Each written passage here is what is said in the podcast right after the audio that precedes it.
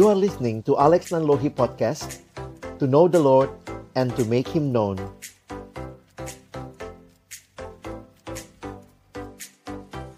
Shalom teman-teman. Uh, Bersyukur boleh sharing. Apakah terdengar suara saya? Bisa ya? Oke. Baik. Saya coba share apa yang juga uh, saya pahami dan juga saya lakoni begitu ya Jadi teman-teman mungkin uh, yang tadi Kak Ari sampaikan banyak hal yang saya juga uh, siapkan overlapping pastinya ya karena um, bicara tentang dunia media sosial juga ini sesuatu yang menarik untuk kita pahami. Nah, saya coba uh, bagikan beberapa hal yang dalam pengalaman maupun juga dalam saya menggeluti pelayanan ini saya temukan begitu ya. Nah, um, saya mulai mungkin dengan sharing apa yang saya pikirkan ulang ketika masuk dalam masa pandemi ini ya. Jadi waktu itu awal hampir satu tahun ya, tahun lalu kira-kira bulan Maret itu kami juga secara tim di pelayanan staff perkantas kebingungan juga. Wah, ini lockdown begini gimana? Ibadah bagaimana dilakukan, lalu bagaimana kita memastikan kelompok kecil berjalan? Itu semua uh, karena belum ada dari kita yang ahli pandemi gitu ya atau ahli pelayanan dalam pandemi itu semua jadinya belajar belajar dan belajar. Dan uh, kemudian dalam masa itu ketika juga tidak bisa keluar rumah ke mana-mana saya jadi ingatlah ya ayat ini uh, kamu adalah garam dunia kamu adalah terang dunia Tuhan, di mana ya saya harus hadir? Karena kalau baca ayat itu kan secara sederhana eh, kita nggak dibilang kamu adalah garam, kamu adalah terang, bukan itu ya. Kamu adalah garam dunia. Kamu adalah terang dunia. Tuhan memberikan konteks di mana kita hadir. Jadi jujur aja waktu merenungkan gimana jadi garam, gimana jadi terang, padahal cuma ada di dalam kamar, cuma ada di dalam rumah, jadi bertanya lagi, di mana dunia saya? Saya sudah melayani atau saya sudah terlibat lah dalam pelayanan media sosial, tapi ketika uh, situasi ini terjadi dan benar-benar hanya bisa di rumah, teman-teman ya, saya jadi akhirnya melihat um, saya menginterpretasi ulang dunia. Apakah dunia maya juga termasuk tempat di mana Tuhan mau saya hadir ya? Jadi saya bergumul akan hal itu dan selalu ingat kalimat John Stott ini ya. kira kira-kira parafrasenya begini, jika daging busuk katanya jangan salahkan daging, tapi tanyakan di mana garamnya. Di masa itu uh, kalau daging dibiarkan di luar tanpa lemari es, tanpa pengawet ya garam, ya jangan heran daging busuk ya jangan salahkan dagingnya, tapi mana garamnya? Jika dunia busuk jangan salahkan dunia, tapi tanyakan di manakah garam dunia? Kalau rumah gelap, jangan salahkan rumah, tapi tanyakan di mana lampunya. Jika dunia gelap, jangan salahkan dunia, tapi tanyakan di manakah terang dunia. Teman-teman, saya melayani di pelayanan siswa dan juga mahasiswa sejak uh, beberapa tahun ini ya, berapa puluh tahun ini gitu ya.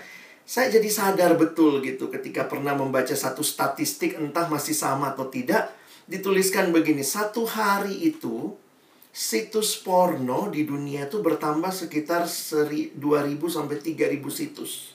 Satu hari. Sementara uh, di dunia maya itu yang tadi Kak Ari bilang juga ya data-data yang sama tadinya saya siapin begitu banyak orang ada di dunia maya itu. Dunia yang juga dirusak oleh ketidakbenaran, situs pornonya nambah 2000-an situs per hari. Ya puji Tuhan di Indonesia ada internet sehat di sebagian besar pasti nggak bisa dibuka. Itu pun masih bisa diakalin ya pakai VPN lah, anak sekarang bisa proksinya dimainin. Wah, tapi realitanya itu yang terjadi. Lalu kemudian jadi pertanyaan juga ya, uh, situs Kristen nambah berapa ya? situs gereja malah lebih yang kayak Kak Ari bilang ya. Ya ampun, cuman upload warta jemaat. Sedih banget gitu ya. Itu dunia loh. Ya mungkin uh, akhirnya dalam pergumulan itu saya merasa ya, saya merasa saya meyakini. Jadi saya bukan cuma senang main Facebook, senang main IG, tapi saya merasakan panggilan yang serius ada di dunia itu. Saya nggak tahu, belum tentu semua kita dapat keyakinan itu ya. Mungkin buat kamu juga berpikir ya itu bukan dunia saya lah ya, saya IG aja belum buat, misalnya ada yang begitu. Tapi saya jadi berpikir gitu, kalau dunia ini, Indonesia secara khusus ya, saya ikutin tuh data APJII ya, karena saya selalu akses juga APJII tadi datanya waktu Indonesia Asosiasi Pengguna Jasa Internet Indonesia mereka berkala keluarin hasil survei mereka itu sekarang penduduk Indonesia dari dulunya masih 30% yang punya akses internet, sekarang sudah di atas 60% yang punya akses internet se-Indonesia. Bayangkan tuh, ada sebuah dunia lain bukan dunia yang jauh tapi dekat dengan masyarakat kita dan di dunia itu justru lebih banyak informasi yang negatif, pengaruh yang tidak benar. Saya melihat uh, ya Tuhan kasih keyakinan saya untuk berpikir serius tentang dunia digital, dunia maya jadi bagian dari pelayanan. Dan memang kalau perhatikan kita makin didesak ketika sekarang terjadi pandemi kayak dulunya mungkin sudah pernah mikirin tentang pelayanan digital, pelayanan online, sekarang dipaksa semua harus lakukan itu. Saya pikir ini semacam persiapan yang Tuhan kasih untuk membuka mata kita bahwa dunia ini nggak sekedar dunia real saja, tapi dunia maya pun adalah sesuatu yang mungkin tanda kutip makin real. Karena makin banyak orang ada di sana, dengan segala kekuatan dan kelemahannya, kita perlu berpikir serius juga tentang online ministry. Ya, ini yang saya bilang tadi, corona ini memaksa kita jadi saya pikir ya kalau kita di awal-awal selalu banyak mengeluhnya ya, waduh enakan offline, enakan offline. Sekarang ya apalagi dipastikan ya semester ini masih online. Wow, ini membuat kita makin sadar ya bahwa ini bukan pilihan online atau offline tetapi apa yang memang Tuhan berikan buat kita sekarang yaitu online ini ya, ya mari maksimalkan media online ini. Nah, saya sedikit saja membahas tentang ini kalau analisisnya bisa panjang, tapi menarik sekali waktu saya mempelajari tentang saya ngikutin tuh. Saya pakai Facebook, uh, saya sorry, saya pakai Instagram dari 2013. Saya pakai Instagram dari 2013. Uh, teman-teman itu waktu saya pelajari kan ikutin Instagram itu, teman-teman lihat tuh fiturnya nambah menambah terus tuh. Nah, saya coba perhatikan kenapa ya fiturnya nambah apa yang bisa di situ makin nambah. Sekitar 2016 baru ada IG story. Benar tadi yang Kak Ari bilang ya. Sekarang orang mau sesuatu yang lebih storytelling. Mau engage.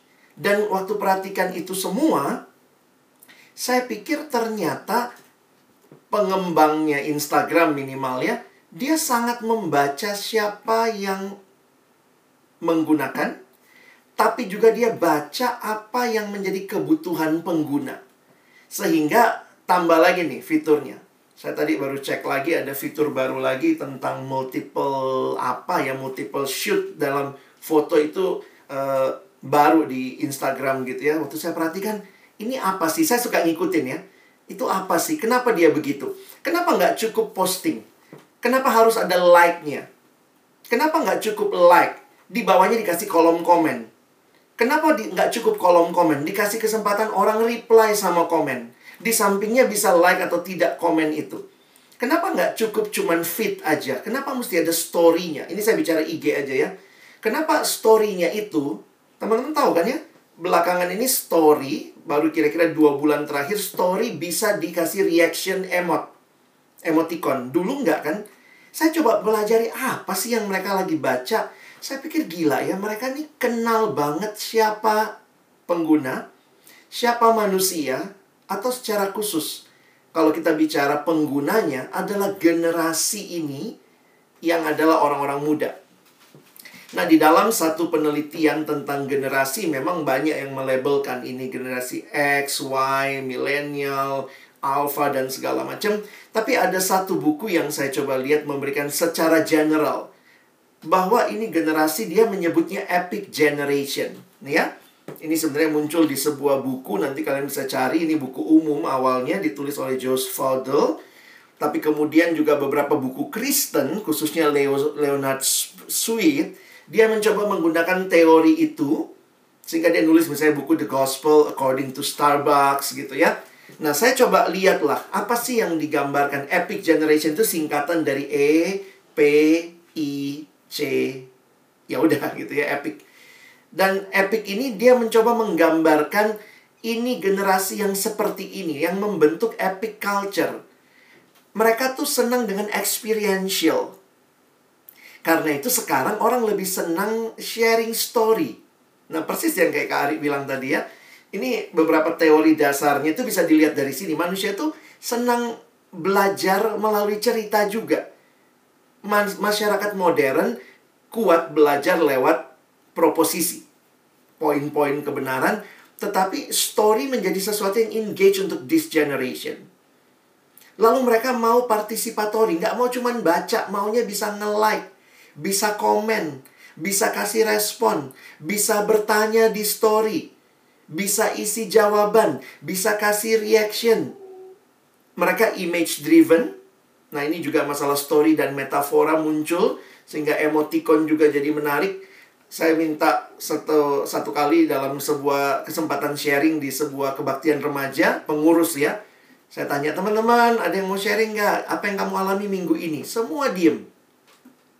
Begitu dikasih emoticon, coba lihat di layar ada 9 emoticon, mana yang paling menggambarkan dirimu? Langsung semua isi. Nomor 8, nomor 9, nomor 7, ada yang 1 sampai 9. Lalu saya tanya, boleh tahu kenapa kamu pilih nomor itu? Baru dia cerita, iya kak, saya lagi begini, begini, begini. Jadi waktu ditanya, mau sharing, semua diem. Tapi ketika mereka diminta untuk mengekspresikan dengan melihat emoticon misalnya, wah itu mereka langsung bisa respon. Dan saya lihat itu ya, IG itu kan sangat membaca itu. Jadi hampir semua karakteristik ini, bagi saya, itu diakomodasi dengan sebuah aplikasi yang membawa orang tuh masuk ke dalam pengalaman. Kita kayak bisa ngikutin tuh teman kita pergi, eh jangan lupa ya bikin story ya, gue pengen lihat nanti. Eh air terjunnya kayak apa, nanti lu bikin ya. Nanti lu di depannya lu cerita, lu sharing ya. Gue pengen lihat jalan ke sana gimana. Itu semua bisa terjadi tuh. Lalu connected. Memang kita ini sebuah, eh, kita seorang individu, tapi kita mau connect. Makanya jangan lupa ya, seneng banget tuh Orang bilang, eh jangan lupa nge-tag gue ya. Nanti kita foto ya, kelompok sharing kita. Jangan lupa di-tag. Waduh, kita individu itu halaman atau apa, itu IG kita. Tapi kita mau ada orang-orang yang terkonek dengan kita. Nah, nah itu gimana pakai ini dalam pelayanan? Saya lagi mikir gitu terus sih teman-teman ya. Gimana pakai ini semua dalam pelayanan? Uh, ya tentu kita nggak mesti bikin IG aplikasi seperti IG yang khusus Kristen, tapi mari pakai IG misalnya ya, yang paling banyak dipakai dengan memperhatikan hal-hal ini. Memposting hal-hal yang meminta orang terlibat, bisa share story, bisa partisipasi, beberapa image yang bagus tadi Kak Ari sudah bilang ya bagaimana mengkomunikasikan pesan ada gambarnya. Jadi ini semua jadi ya selain kita bicara apa sih yang kita harapkan dengan media sosial yang ada di pelayanan mahasiswa di kampus kita. Nah, saya melihat begini ya, kalau tadi Kak Ari bilang Nietzsche-nya itu apa gitu ya. Saya tetap melihat bahwa kebutuhan generasi ini, jadi buku yang saya pakai ini ya, sudah diterjemahkan The Passion Generation, ditulis oleh Grant Skeldon, seorang pendeta milenial. Dia tulis buku The Passion Generation dan kami sudah terjemahkan ke bahasa Indonesia. Kalau mau lihat e-booknya bisa beli di Google Play. Generasi penuh hasrat. Nah, dia waktu bicara kondisi generasi milenial, dia bilang apa pun namanya. Nah, ini tesis bukunya. The church doesn't have a millennial problem. It has a discipleship problem. Jadi kenapa saya senang dengan buku ini? Karena ketika dia melihat generasi ini senangnya ini, eksplorasi, maunya cerita segala macam, bagi saya yang menarik dia ingin mengatakan baliklah. Bagaimana melayani generasi ini? Perhatikan pemuridannya. Dengan perkataan lain dia bilang begini, kalau kita sekedar melihat semuanya, membangun semuanya dan lupa kita bangun platform ini itu tapi kita lupa membangun pemuridan, we miss the point of serving this generation. Jadi dia memberikan pemahaman yang lebih utuh tentang pemuridan. Jadi saya cuma mau ingatkan begini, teman-teman kita lagi layani generasi ini, tapi kita butuh melayani mereka di dalam pemuridan yang baik. Ya, dia sendiri memberikan pemahaman tentang pemuridan menarik juga ya Grant Seldon bilang e, yang terjadi dalam gereja itu bisa terjadi macam mentorship. Come and meet with me. Jadi come and meet with me ini sebenarnya kayak mentorship. Saya juga agak takut sebenarnya. Jangan-jangan kelompok kecil kita mentorship ya. Kayak les gitu. Datang, belajar MHB, pulang. Seminggu tuh nggak ketemu. Nanti datang lagi, ketemu lagi. Jadi uh, sebenarnya bukan pemuridan yang hari ke hari itu cuman ketemu janjian waktunya belajar bahan jawab pertanyaan sharing didoain pulang minggu depan datang lagi gitu ya jangan-jangan cuman come and meet with me butuh mentorship nggak? Saya pikir tetap butuh sih di dalam persekutuan mentorship juga nggak salah. Banyak acara gereja atau mungkin kalau kita kontekskan acara persekutuan kita itu come and listen to me. Ayo datang dengerin saya. Tapi pemuridan yang Yesus katakan, "Come and follow me." Wah, ini jadi tantangan buat kita apalagi pada ngomong, "Bang, ini lagi masa pandemi, gimana ketemu aja susah." Tapi kalau kita perhatikan, tentu come and listen to me juga penting ya. Tapi kalau cuman itu, pastikan teman-teman bahwa di kampusmu terjadi pemuridan. Dan pemuridan itu sebenarnya kalau kita lihat ini adalah seperti berjalan bersama nih. Journey together.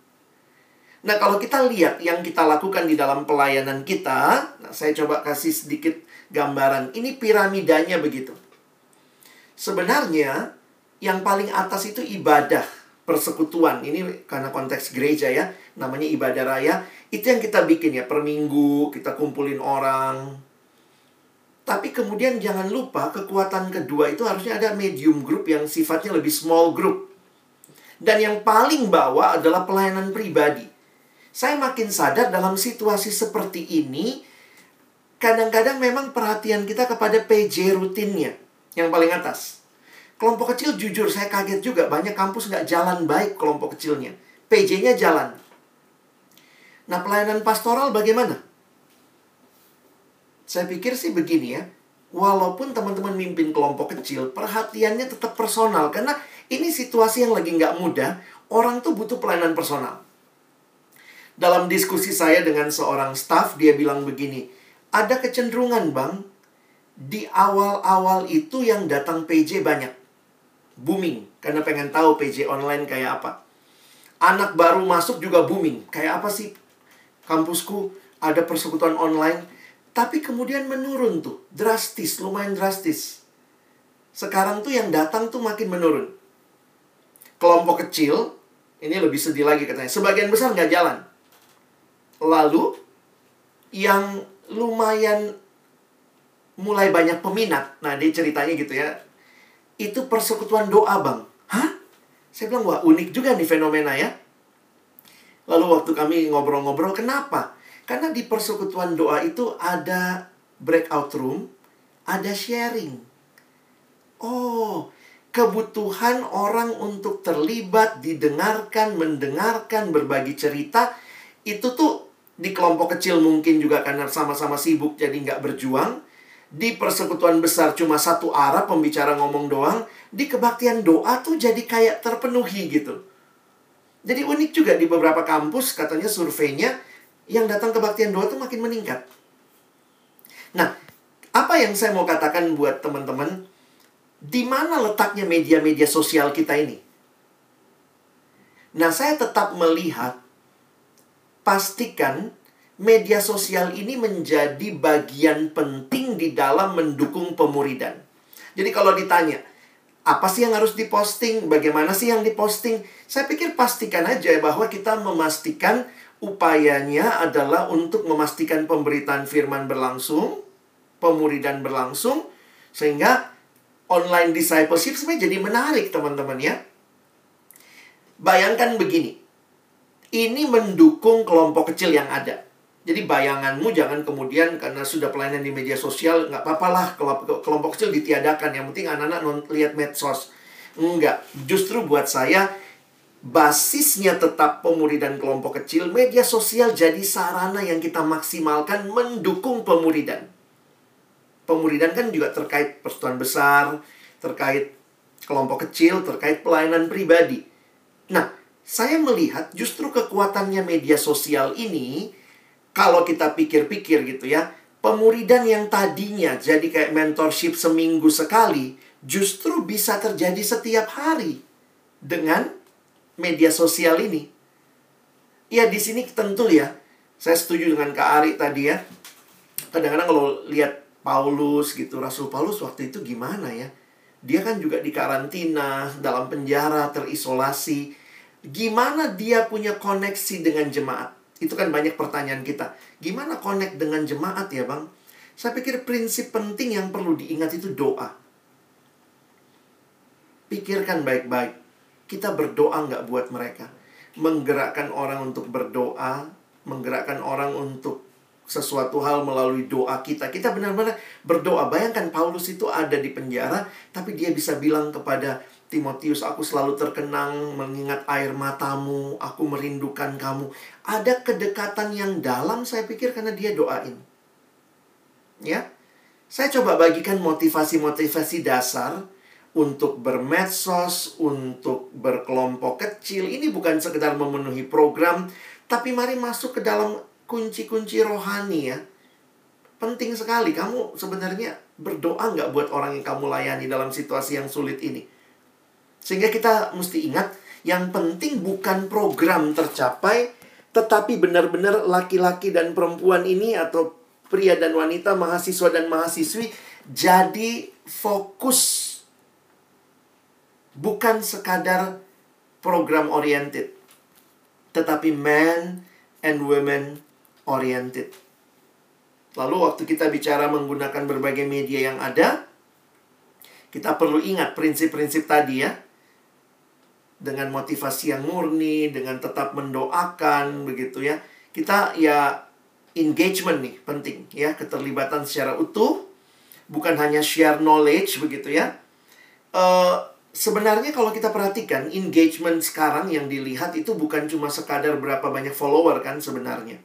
Tapi yang kayak Kak Ari bilang tadi ya, berapa banyak yang komen itu sebenarnya engagementnya atau uh, dianggap sesuatu yang orang lebih engage.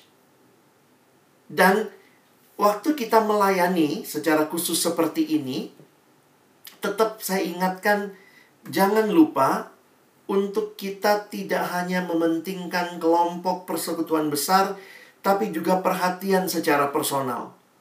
Nah, media sosial bisa menjadi sarana menguatkan kelompok-kelompok kecil yang ada di kampus kita. Bisa menjadi penguatan yang baik untuk persekutuan besar yang ada di kampus kita. Bagaimana? Teman-teman mesti berpikir secara kreatif. Kreatif itu apa sih, Kak? Secara sederhana, kreatif itu orang yang mau mikir. Siapa yang mau mikir, dia kreatif. Sebenarnya begitu teori dasarnya. Kreatif itu bukan dia banyak permainannya, kalau pimpin lagu bisa pakai gerakan-gerakan. Orang yang kreatif, orang yang mau berpikir. Jadi dengan dia berpikir, dia bisa mengkombinasikan berbagai hal. Karena kreativitas dalam pengertiannya adalah kemampuan untuk membuat kombinasi baru berdasarkan data, informasi, atau unsur-unsur yang ada, membuat atau mencipta sesuatu bukan berarti harus menciptakan sesuatu yang totally new. Saya banyak pakai materinya Our Daily Bread, warung sate kamu. Saya berhutang banyak sama Kak Ari ya. Kadang-kadang saya nggak mention ya. Pokoknya saya posting aja. Kenapa? Saya pikir itu jadi berkat buat orang lain. Setiap pagi saya hand letteringnya saya akan repost begitu ya. Karena buat saya it's something that engage dengan orang tidak selamanya kita bisa mesti buat totally new gitu ya. Apalagi kemampuan kita belum tentu kalian juga kuliah. Ya mungkin kalian bisa bilang, ih Kak Ari bagus ya gambarnya ya. Kak Ari kerjaannya cuman itu kasarnya gitu ya. Uh, dia memang untuk bikin itu. Nah kita pada saat yang sama mesti bikin tugas kuliah, bikin apa. Gimana maintain medsos kampus? Kadang-kadang maunya semuanya original, lupa bisa kolaborasi, bisa pakai punya api, bisa pakai poin saya begini, semua yang sudah diposting ke dunia medsos itu milik publik paling etikanya saja lah ya mau kita mention kah sumbernya itu sesuatu yang sebenarnya secara etika saja. Tapi selebihnya sebenarnya when you post something it's it's publicly milik semua orang kira-kira begitu ya. Kalau tidak ya jangan posting publik gitu ya. Bikin aja akunmu cuman kamu yang lihat dan Tuhan begitu. Jadi sebenarnya kita bisa memikirkan. Nah abang berpikir begini ya. Coba nih kalau teman-teman berpikir serius secara kreatif kan ya. Tujuannya kan bukan demi kreativitas itu sendiri. Nanti ada buku ini menarik juga ya. Dan bukan pula demi menguasai, mendominasi, ya jauhkanlah itu ya. Kita nggak sedar bicara follower, like, begitu.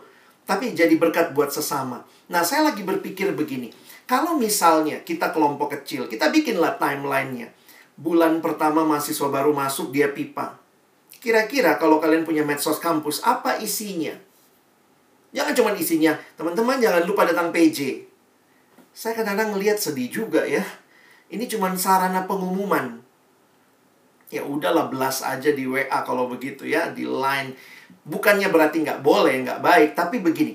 Mungkin bisa kita buat materi yang mendukung pipa itu. Dalam bentuk swipe 10 kali kayak Kak Ari tadi ya, yang menarik. Coba lihat di warung sate kamu apa yang menarik kita angkat, kita bikin di story mungkin, kita bikin di feed kita. Jadi begini, PKK-PKK, pemimpin pipa waktu memimpin bisa juga begini.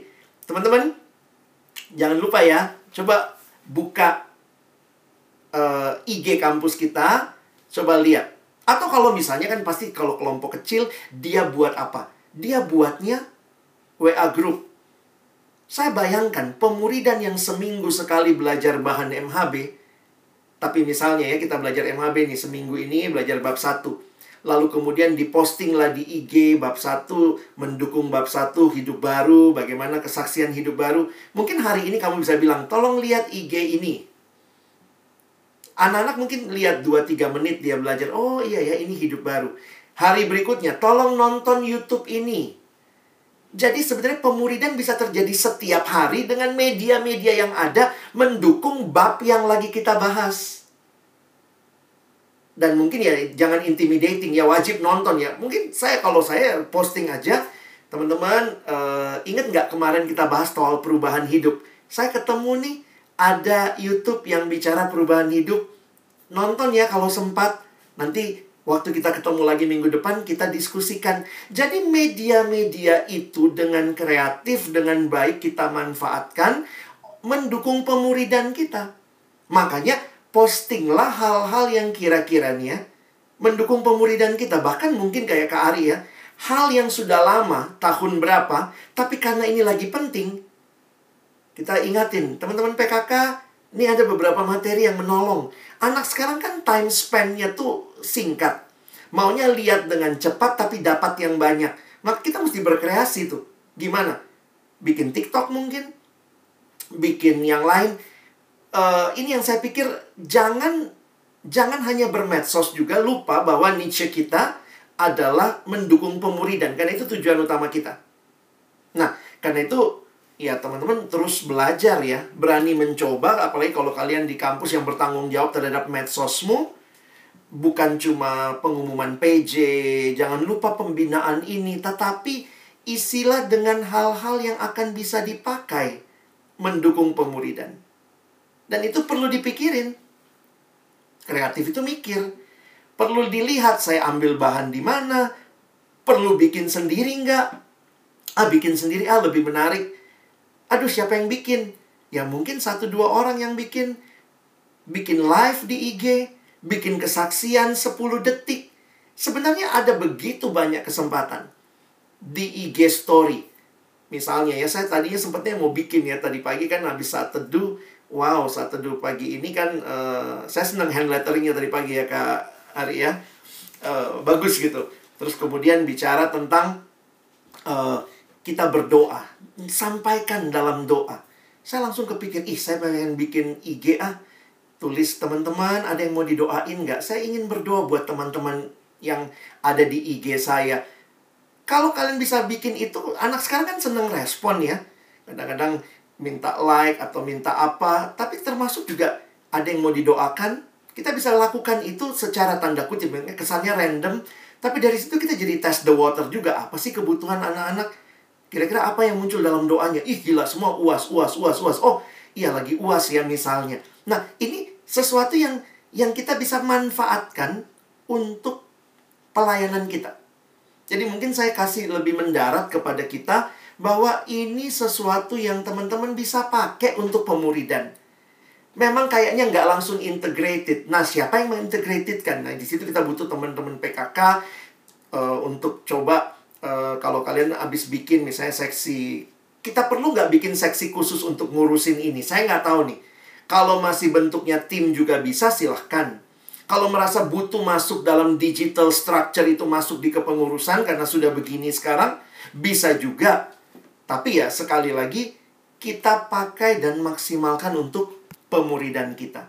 Jadi kadang-kadang perubahan sama kesempatan itu ya di situlah bersinggungannya ya. Nah saya tutup dengan beberapa hal yang saya juga lakukan begitu dan ini jadi prinsip-prinsip yang saya coba pikirkan ya. Uh, sosial media ini kalau teman-teman ikutin algoritmanya benar seperti yang Kak Ari bilang tadi ya bahwa kita bisa lihat berapa pengikut dan segala macam. Memang kadang-kadang kita tanpa sadar ikut algoritma permainannya sosial media ini. Dan saya sadar memang kita punya kecenderungan ya. Masa bikin IG followernya satu, nggak mau juga gitu ya.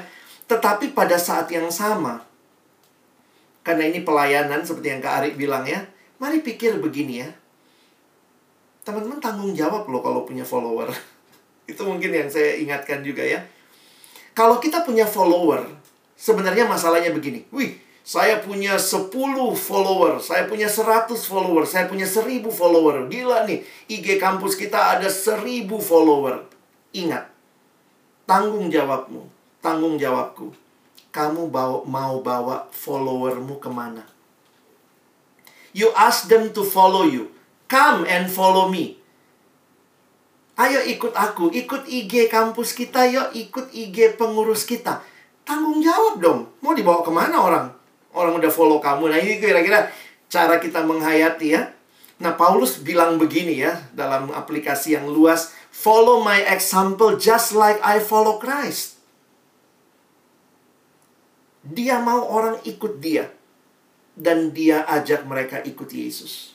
Wow ini kesempatan loh. Teman-teman IG kampusmu, Facebook kampusmu, mau kau bawa mereka ke mana? Apa yang kamu posting? Bahkan IG pribadimu, kamu mau bawa orang ke mana? Suruh orang follow. Tanggung jawabnya di mana? Kira-kira begitu ya. Ada yang bilang, tapi itu kan IG saya pribadi. Ya, kalau IG pribadi ya oke. Okay. Kalau gitu mau unfollow aja semua orang. Waktu kamu minta follower, kamu mau mereka lihat hidupmu. Tapi pertanyaannya, apa yang sedang kau pertontonkan dengan hidupmu? Saya pikir buat kita orang Kristen, we need more deeper motivation to just having follower. Bukan hanya punya follower. Ya, Prinsip lain yang saya coba gumulkan adalah prinsip medium dan message. Ini masalah yang tadi ya. Di masa yang lalu, IG itu, medsos itu seolah-olah hanya jadi medium. Kita mau ajak orang ke PJ bikin pengumumannya di bikin pengumumannya di di IG. Nah, message utamanya, firmannya nanti dapatnya di dapatnya di PJ. Nah, sekarang udah kayak Kak Ari bilang tadi ya. Firmannya itu di IG-nya, di situ pun juga message-nya disampaikan. Dalam teori sekarang disebut the medium is the message. Kalau dulu kan the medium is the medium for people to get the message. Ayo datang PJ supaya kamu ngerti. Nah sekarang apa yang didapat di PJ bisa jadi ditaruh di IG. Saya lihat beberapa kampus ada yang meresum khotbah, ditaruh di IG-nya begitu ya. Karena sekarang kalau begitu Apakah itu menggantikan PJ? Saya pikir nggak begitu juga. Kita nggak berharap orang cuma nonton itu lalu nggak ke PJ. Tapi apa yang didapat di PJ bisa disampaikan. Kalau memang dia nggak bisa datang, dia bisa lihat. Nah itu kan butuh PKK yang adik-adik kelompok kecilku. Eh, pada datang PJ nggak kemarin? Aduh bang, nggak bisa pas ada praktikum gini. Eh, ada resumnya ya, silakan lihat ya. Ada komen nggak? Nanti silakan nanti kita sharing waktu kelompok kecil. Jadi teman-teman bisa dengan kreatif misalnya, ya. Yang kedua, popularitas sama kesetiaan. Saya harus berpikir gini ya, karena algoritmanya medsos itu adalah berapa jumlah follower, berapa jumlah engagement. Kadang-kadang gini, kalau lagi banyak yang follow, banyak yang nge-like, kita semangat. Kalau kurang, kita kurang semangat. Waduh, saya pikir ini yang saya setuju sama Kak Ari tadi. Kita mesti setia dan konsisten. Ya, mau ada yang lihat nggak ada yang lihat sebenarnya kan kita sedang sharing sesuatu yang penting. Saya akhirnya belajar gini teman-teman. Kenapa saya posting sesuatu? Biarlah bukan hanya supaya dapat follower. Saya posting sesuatu karena saya followernya Kristus.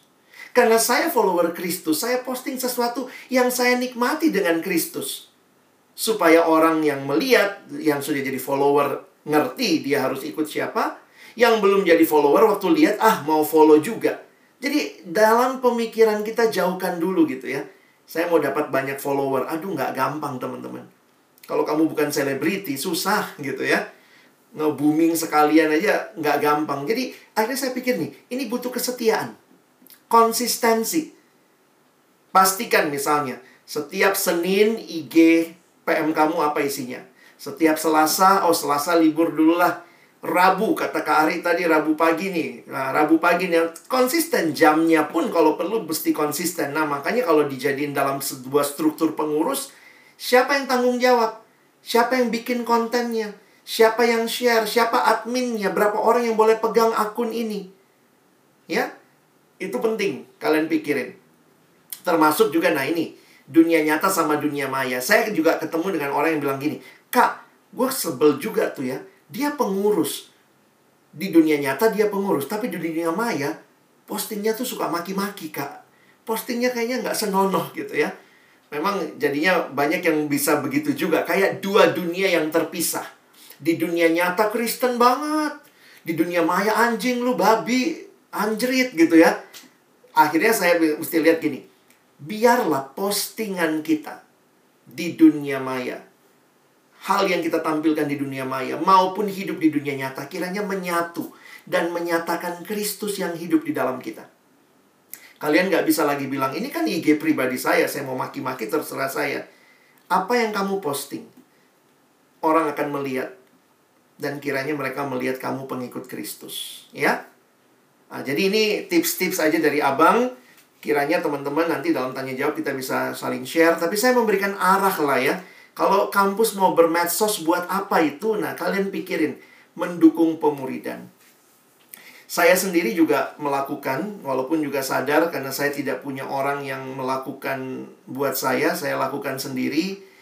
Uh, ya saya niche-nya hanya ya karena saya juga tidak terlalu pandai desain dan segala macam saya hanya posting khotbah saya aja gitu ya kadang-kadang ya just that kenapa saya jadi ingat ya Tuhan nggak pernah minta yang kita nggak punya Tuhan minta yang kita punya ya saya punya rekaman khotbah saya ya saya olah sedikit ya saya tampilkan saya bagikan jadi kadang-kadang saya pikir uh, jangan terlalu lama mikir mau bagiin apa nanti saya mau bikin oh belajar dulu uh, cara terbaik desain baru bagi. Nah, Yesus sudah keburu datang gitu ya. Nah, kita bisa mulai dari apa yang kita punya. Ya, secara khusus saya ada di Facebook, ada di uh, Twitter, walaupun Twitter saya non aktif gitu ya, hanya posting biasa. Uh, Facebook juga udah jarang main di situ gitu. Saya lebih banyak main di Instagram sekarang ya. Tapi juga ya ini uh, beberapa hal yang ya saya coba kelola juga ya jujur aja memang mesti kasih waktu teman-teman. Tapi karena saya sadar ini dunia di mana Tuhan panggil saya, saya punya kemampuan, saya punya fasilitas, saya punya sesuatu yang bisa saya bagikan.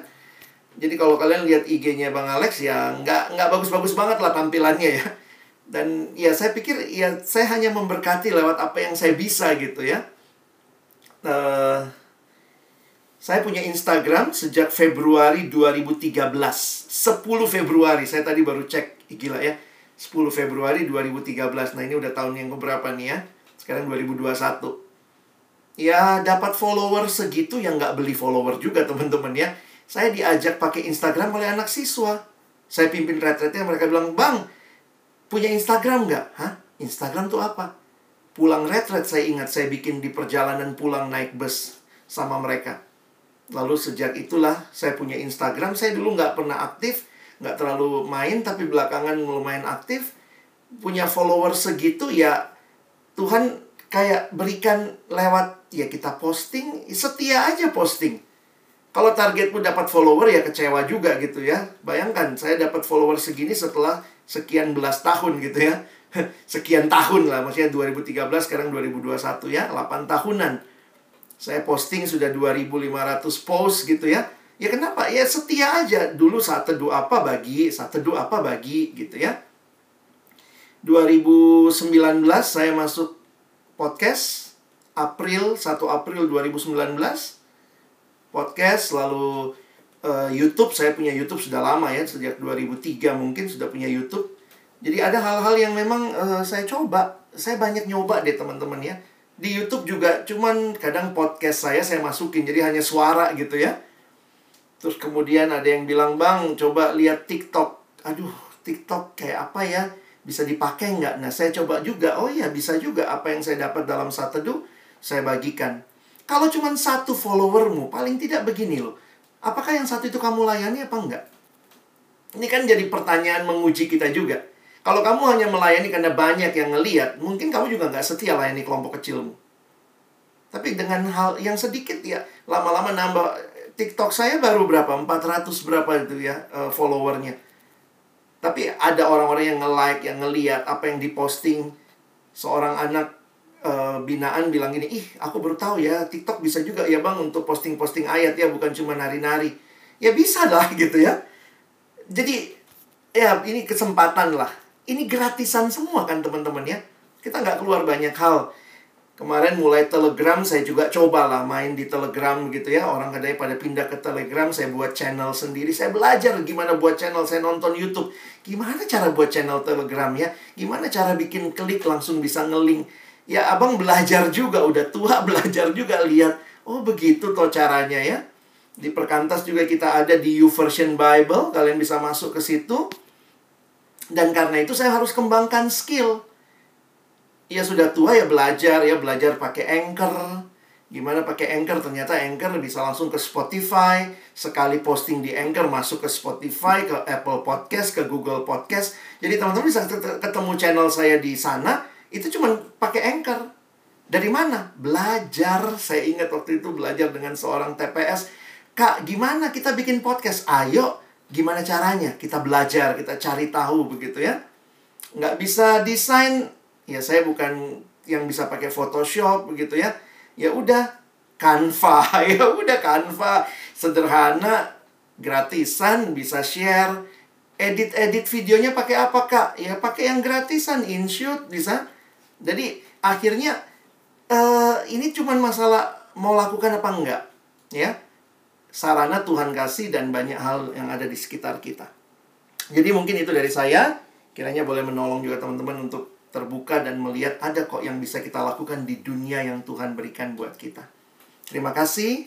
Saya kembalikan pada moderator. terima kasih Bang Alex atas pemaparannya, teman-teman. Saat ini uh, kita akan masuk ke sesi tanya jawab. Aku serahin ke Stefani.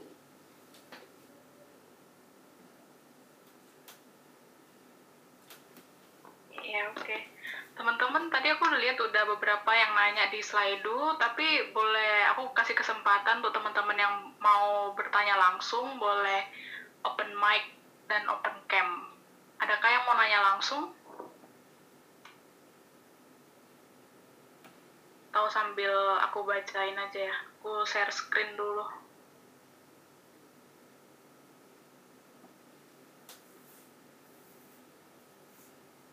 kalau teman-teman mau nanya langsung aja ya di open mic.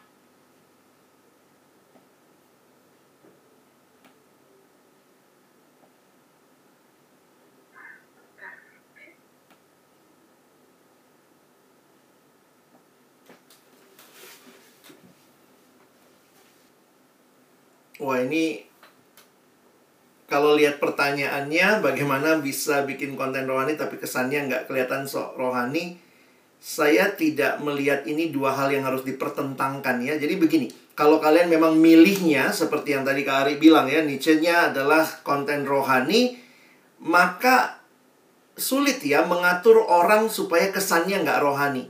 Nah mungkin yang kamu maksud adalah begini. Makanya men-sharingkan dengan bentuk cerita, men-sharingkan dengan gambar yang mungkin me, yang lucu yang bisa menertawakan diri, membuat orang jadi tidak merasa digurui. Jadi bukan masalah di konten rohaninya, tapi mungkin di cara penyampaiannya. Nah, cara penyampaiannya yang nampaknya yang tadi teman-teman yang yang ini nanya supaya nggak kayak kesannya sok menggurui rohani apalagi kalau itu adalah uh, channel pribadimu tapi kalau itu adalah channel yang adalah misalnya IG kampusmu memang IG PM kamu ya nggak apa-apa juga gitu ya. Karena memang itu dimaksudkan untuk memberikan pembinaan rohani. Jadi bukan masalah sok rohani memang begini ini kalau ringkasan khotbah ya udah mungkin diringkas dibuat menarik ada gambarnya. Jadi bukan masalah sok rohani ya tapi kamu mengemasnya dengan hal seperti itu. Mungkin itu kalau saya tanggapannya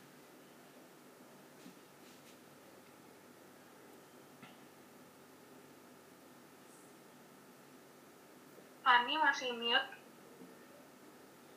maaf selanjutnya Oh, makasih Bang Alex. Selanjutnya ada pertanyaan untuk Kak Ari.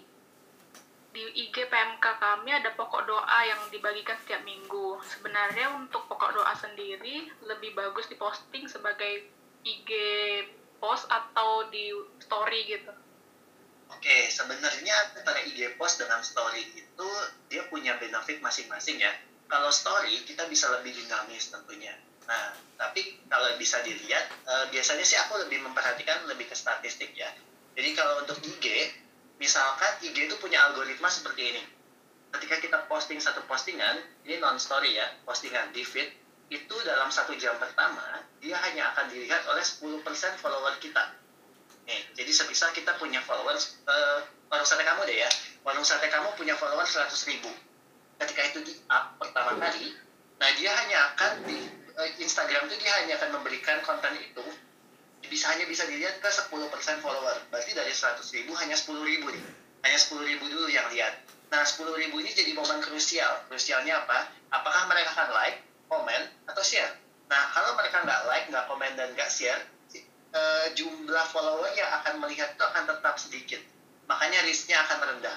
Tetapi ketika dalam satu jam itu yang like banyak, yang komen banyak, yang share banyak, sehingga nanti akan lebih memperlebar skupnya kalau untuk post ya. Sehingga makanya no wonder kalau teman-teman lihat influencer, mereka biasa bikin konten yang lebih sifatnya tanya, lagi ngapain guys? Gitu ya. Atau semisal share dong apa yang kalian suka di komen gitu ya kan. Nah kayak gitu. Nah ketika semakin banyak komen skupnya akan melebar. Itu kalau untuk post ya. Nah kalau post itu biasa kita lebih sukanya kalau kalian punya postingan yang misalkan tidak membutuhkan respon yang cepat ya. Misal kayak uh, syukur uh, apa ya kalau misalkan kalau untuk di post itu misal kalau post itu kan komen bisa lebih panjang ya. Misal kalian mau tanya gitu ya kan uh, masa-masa kuliah daring ini cerita yang berat apa sih gitu ya kan? Cobain dong share di kolom komentar bisa kayak gitu. Tapi kalau kalian punya tujuan share dari teman-teman dari audiens itu pengen kalian republish dengan segera baiknya sih di story. Ya karena di story itu kita ada fitur yang apa ya ngasih fitur untuk apa uh, share. Share kalau kita isi question ya kan share si comment boxnya itu bisa kita share. Itu sih kalau untuk uh, story. Tapi intinya post dan story sih saling melengkapi ya. Gitu. Semisal kalau kami sih buatnya kalau di warung sate ketika kita di IG post ya kadang kita naikin ke story. Cuma kalau naikin ke story itu orang nggak akan ngeklik juga sih ya kan? Nah biasanya dibuat di kemasan secara khusus gitu ya. Kayak artikel gitu ya. Artikel itu kita lebih taruh di story. Kalau promosi artikel kenapa? Karena kita perlu memahami Instagram itu media sosial yang egois. Kenapa egois? Kalau Facebook kita kasih link gampang tinggal klik ya. Nah kalau si IG dia tuh pengennya media sosialnya egoisnya apa? Dia pengen audiens itu cuma nonton di IG gitu. Makanya kita nggak bisa langsung klik link kan kalau di post harus di story. Itu pun kalau kita baru bisa swipe kalau follower udah di atas 10 ribu. Kalau belum 10 ribu harus apa? Harus klik link di bio ya. Nah egoisnya ini apalagi? Contohnya kalau dilihat dia sekarang uh, marketplace dia masukin tuh di IG supaya apa? Supaya orang nggak buka medsos lain. Supaya orang nggak buka di yang lain. Langsung belajar dari IG ya. Walaupun ini bikin orang pada bos pada protes ya kan? IG kok jadi begitu. Tapi itulah realitanya bahwa media sosial ya produk ya gitu jadi mau di post apa di story kombinasikanlah keduanya itu sih Oke, terima kasih Kak Ari. Kemudian ada pertanyaan selanjutnya. Uh, oh ya, dari teman-teman adakah yang mau bertanya? Bertanya langsung? Belum ada ya, aku lanjut ya ke pertanyaan selanjutnya. Apakah bijak untuk IGPMK men-share konten yang cukup, yang mungkin cukup kontroversial? IG-nya tidak di private, namun followersnya kebanyakan orang Kristen. Nah, itu kontroversi maksudnya bisa bergesekan dengan agama yang berseberangan gitu. Boleh dijawab, Bang Alex?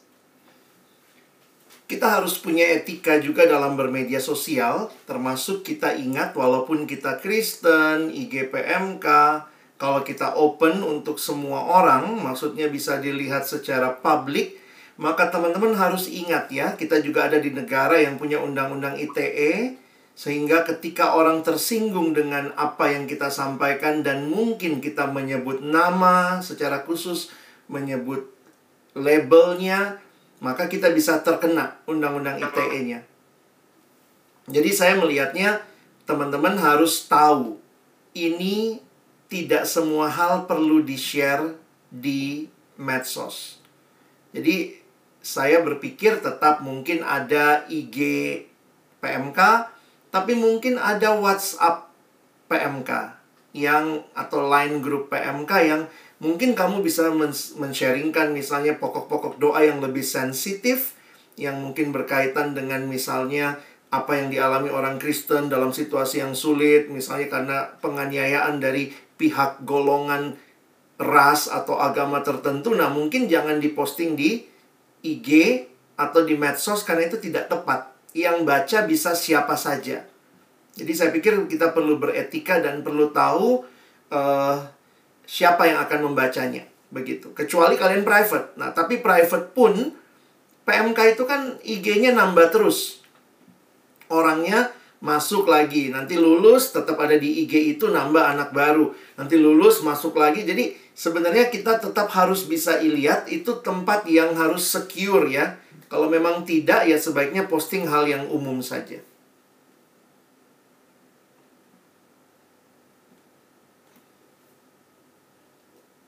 Terima kasih Bang Alex. Mungkin uh, ada pertanyaan juga nih bisa dijawab terkait yeah.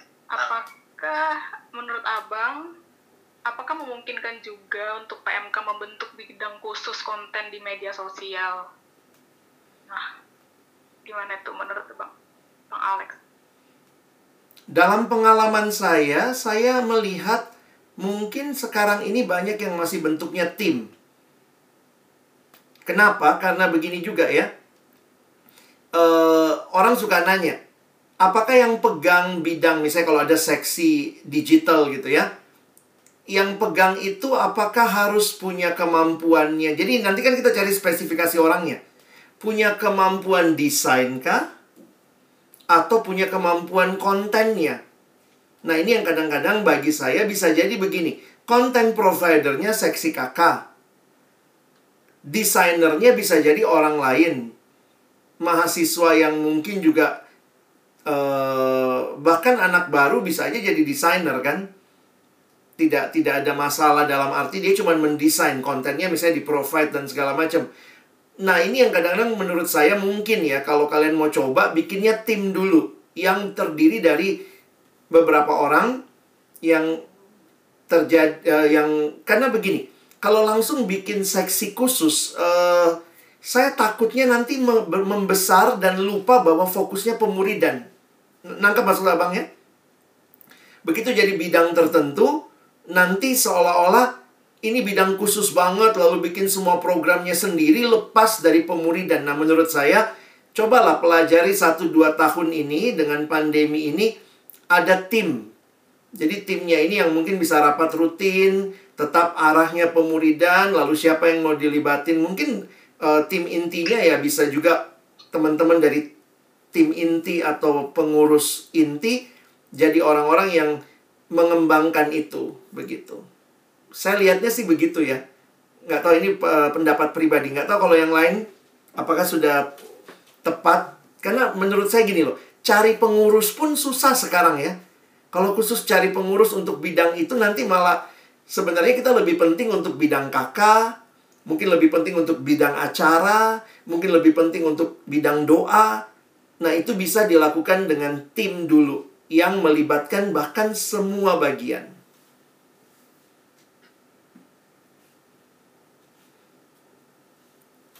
Terima kasih Bang Alex.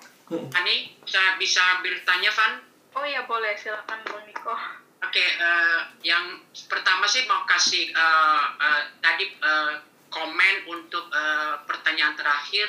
Mungkin juga bisa uh, di beberapa kampus kan dulu ada media ya, uh, maksudnya uh, apa namanya? Literatur.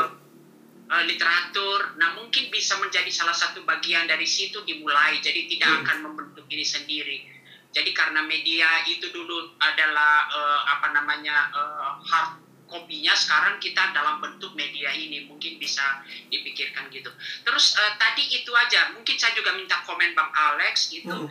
Uh, dulu saya pernah diprotes uh, hmm. uh, di dalam kerinduan kita penginjilan, saya pikir apakah etis baik untuk uh, membuat satu data-data umpamanya kita berdoa di daerah ini uh, yang belum mengenal Tuhan uh, uh, apa saya pikir uh, ada banyak PMK PMK yang masukkan pokok doa perlu uh, bukan takut perlu berhikmat yeah. Iya. uh, saya pikir uh, dalam uh, pokok doa kita jadi untuk hal-hal uh, itu saya dulu beberapa melihat itu uh, apa statistik di hmm. daerah ini belum masuk Injil.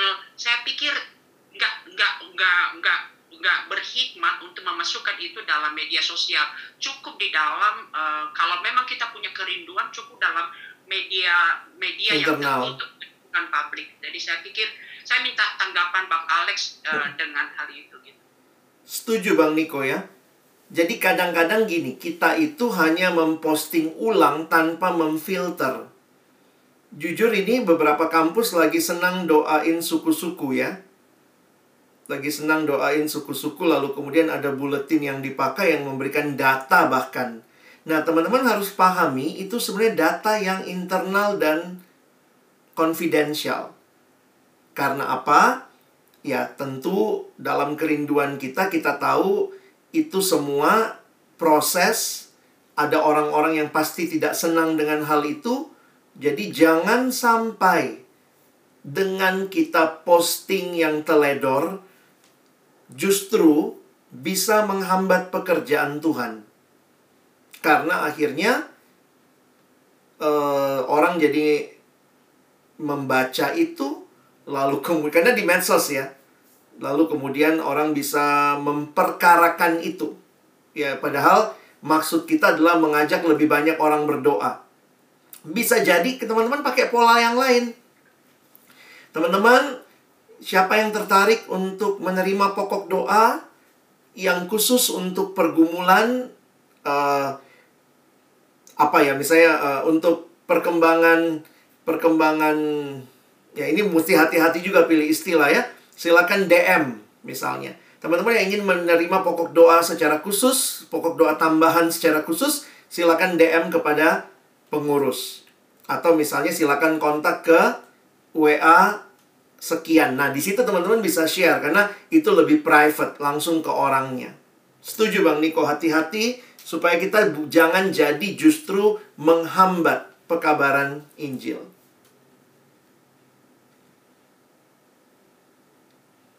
Oke, terima kasih Bang Alex dan Bang Niko untuk uh, jawabannya. Juga nih mungkin pertanyaan terakhir untuk Kak Ari. Uh, ini terkait waktu postingan ya, Kak. Saya mau tanya untuk waktu yang konsisten apakah sebulan sekali di hari terakhir per bulan bisa efektif atau harus lebih sering dan di hari atau tanggal tertentu terus ini sekalian pertanyaan selanjutnya ya menurut Kak Ari bentuk postingan seperti apa yang paling disenangi mahasiswa atau kaum muda misalnya seperti kesaksian melalui TikTok, meme atau gambar ilustrasi dan lain-lain boleh dijawab Kak Ari? sih buat pertanyaan untuk yang pertama ya, apakah sebulan sekali di hari terakhir per bulan bisa efektif? Jawabannya tentu tidak. Satu bulan itu terlalu lama. Sebulan kita posting satu konten itu wah lama ya. No itu ya.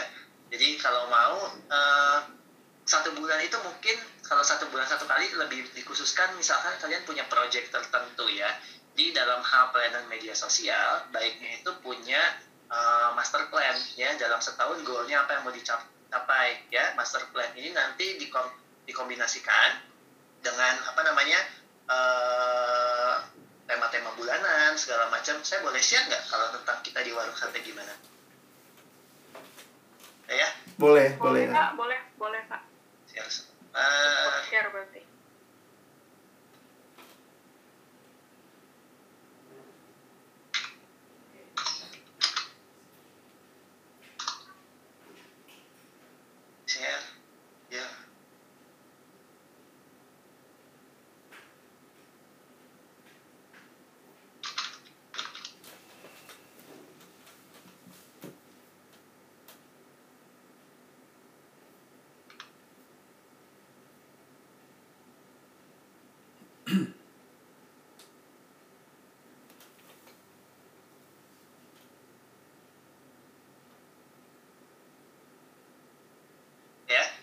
kelihatannya secara singkat ya. Jadi ini kalau kami di warung sate kamu, nah kebetulan di warung sate kamu itu uh, kita staffnya hanya saya sendiri teman-teman ya. Jadi saya ngerjain semuanya sendiri ya di warung sate kamu. Tapi kok bisa yang lain bisa, uh, bisa memproduksi konten sebanyak itu, nah itu berkat teman-teman volunteer. Nah jadi teman-teman volunteer itu nggak semua saya kenal ya, tetapi memang karena saya orang komunikasi ya, kalau saya lihat di medsos ada yang bagus tuh biasa ajak collab. Dan puji Tuhannya mereka betah bertahan ya. Jadi artikel-artikel, konten-konten visual itu dikemas sama teman-teman volunteer. Tugas saya lebih ke koordinator, koordinir. Saya sendiri nggak bisa uh, apa nggak bisa desain ya, jadi karena saya cuma bisa nulis gitu.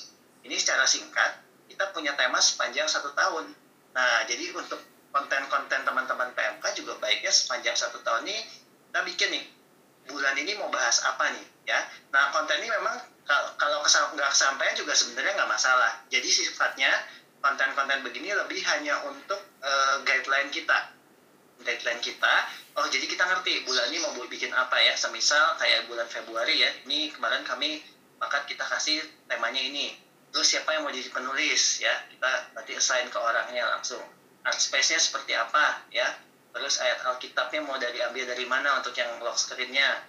Terus nanti siapa yang mau bikin lock screen-nya? Ya kan spesial project-nya mau apa? Ya kan Nah ini udah kita kasih semua di sini, sehingga nanti lebih gampang kayak gitu, lebih gampang. Karena kalau kita tidak terplanning ya, kita bingung ya, ini bikin apa ya, ya udah apa yang ada gitu ya kan. Nah jelas sebulan sekali itu tidak cukup untuk konten media sosial, sehingga uh, perlu ya secara reguler, at least lah seminggu satu kali ya kalau untuk postingan. Tapi kalau mau sebulan sekali, misalkan tentukan dalam satu bulan ada campaign khusus. Campaignnya apa? Misal campaignnya nah, satu bulan itu tanya ke mereka di akhir bulan hal apa sih yang disyukuri kalau memang uh, kuliah misalkan uh, apa ya gimana kalian saat menghadapi uas gitu ya kan? Apakah uh, share dong? Lebih ke kayak gitu. Itu sih. Lalu pertanyaan kedua boleh ditampilin lagi? Saya lupa catat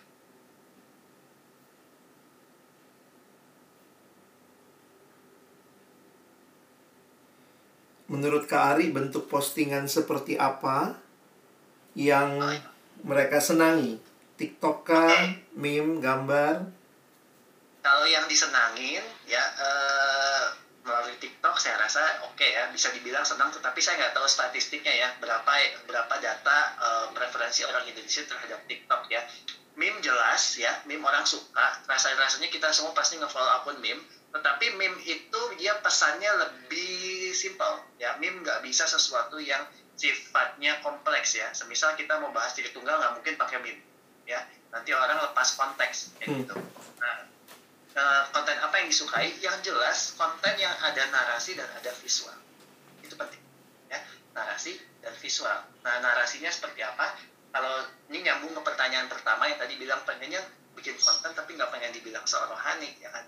Narasi yang sifatnya nggak preaching ya walaupun memang kita bisa punya kompetensi untuk preaching ya nggak masalah sebenarnya. Tetapi kalau dalam hal ilmu komunikasi pesan yang disampaikan dengan setara antara komunikator dengan komunikan itu lebih mudah diterima oleh audiens ya. Sehingga kalau kita memberikan pesannya uh, apa makanya tadi dengan model hal cerita kesaksian itu bisa. Nah tapi kalau jadi kasih contoh ya kesaksian melalui TikTok bisa-bisa aja tetapi perlu dipilah juga karena nggak semua kesaksian itu bisa jadi uh, sesuatu yang memberkati karena perlu diperhatikan kesaksian itu sifatnya personal ya. Jadi nggak kayak misal nih kayak di warung sate itu sering nih dapat saksian bilang ya kan kayak gini deh paling gampang gitu biasa kita ada kecelakaan pesawat ya bisa ada kecelakaan. Entah pesawat atau apa ya Loh, gitu ya terus tiba-tiba dia tuh nggak jadi naik nggak jadi naik kendaraan itu. Terus dia selamat nih ya. Terus dia kesaksian wah Tuhan begitu baik sama saya saya diselamatkan. Dan naikin tuh gitu ya kan. Nah maka itu baik ya satu sisi mungkin bagi orang itu baik ya tapi bagaimana dengan mereka yang tetap jadi korban Nah, kita perlu pikirkan lebih lanjut ya kan hal seperti itu. Jadi mungkin tetap bisa dinaikkan, tetapi angle-nya harus kita pilih ya dari angle mana kayak gitu. Terus kalau gambar ilustrasi jelas ya ya kan itu juga bisa uh, disukai oleh oleh audiens ya. Kalau video juga iya disukai, tetapi memang perlu diperhatikan kalau video itu effortnya lumayan tinggi. Kalau kita punya resourcesnya, monggo silakan. Itu sih. Yang penting ada narasi dan visual itu mereka saling melengkapi dan itu ber, ber apa ya namanya uh, saya merasa teman-teman PMK juga mungkin bisa belajar tentang copywriting ya. Copywriting di sini. Jadi copywriting itu gimana kita mengemas teks ya teks yang untuk di media sosial itu bisa engage ya ke pembaca. Dalam hal ini karena kita targetnya pelajaran ke hati Kak Ari, ODB uh, warung sate kamu ada rencana ke TikTok? Belum? Kalau ke warung sate kamu sendiri, saya rasa belum ke TikTok karena hmm. saya belum menemukan orang yang cocok untuk menolong saya ini ya. Karena kalau saya sendiri dipecah lagi bikin TikTok, saya nggak nggak nggak. Tambah pusing ya, Ari ya.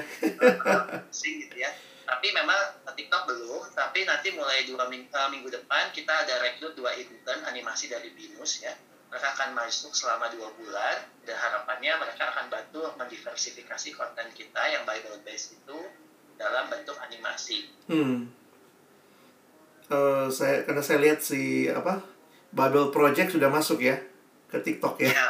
Bible Project masuk. Memang sudah cukup sudah masuk juga, tetapi uh, memang ada ide kita di sana, tapi dari warung sate sendiri kami masih hot belum siap ya ke situ karena untuk migrasi untuk menciptakan satu lah membuka lahan baru itu nggak gampang. kan? ya.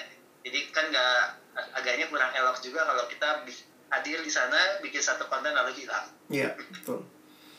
Teman-teman saya saya posting kolaborasi saya sama Kak Ari ya. Itu collab kita yang lama ya Ari ya. Iya itu tahun 2017 2017 ya.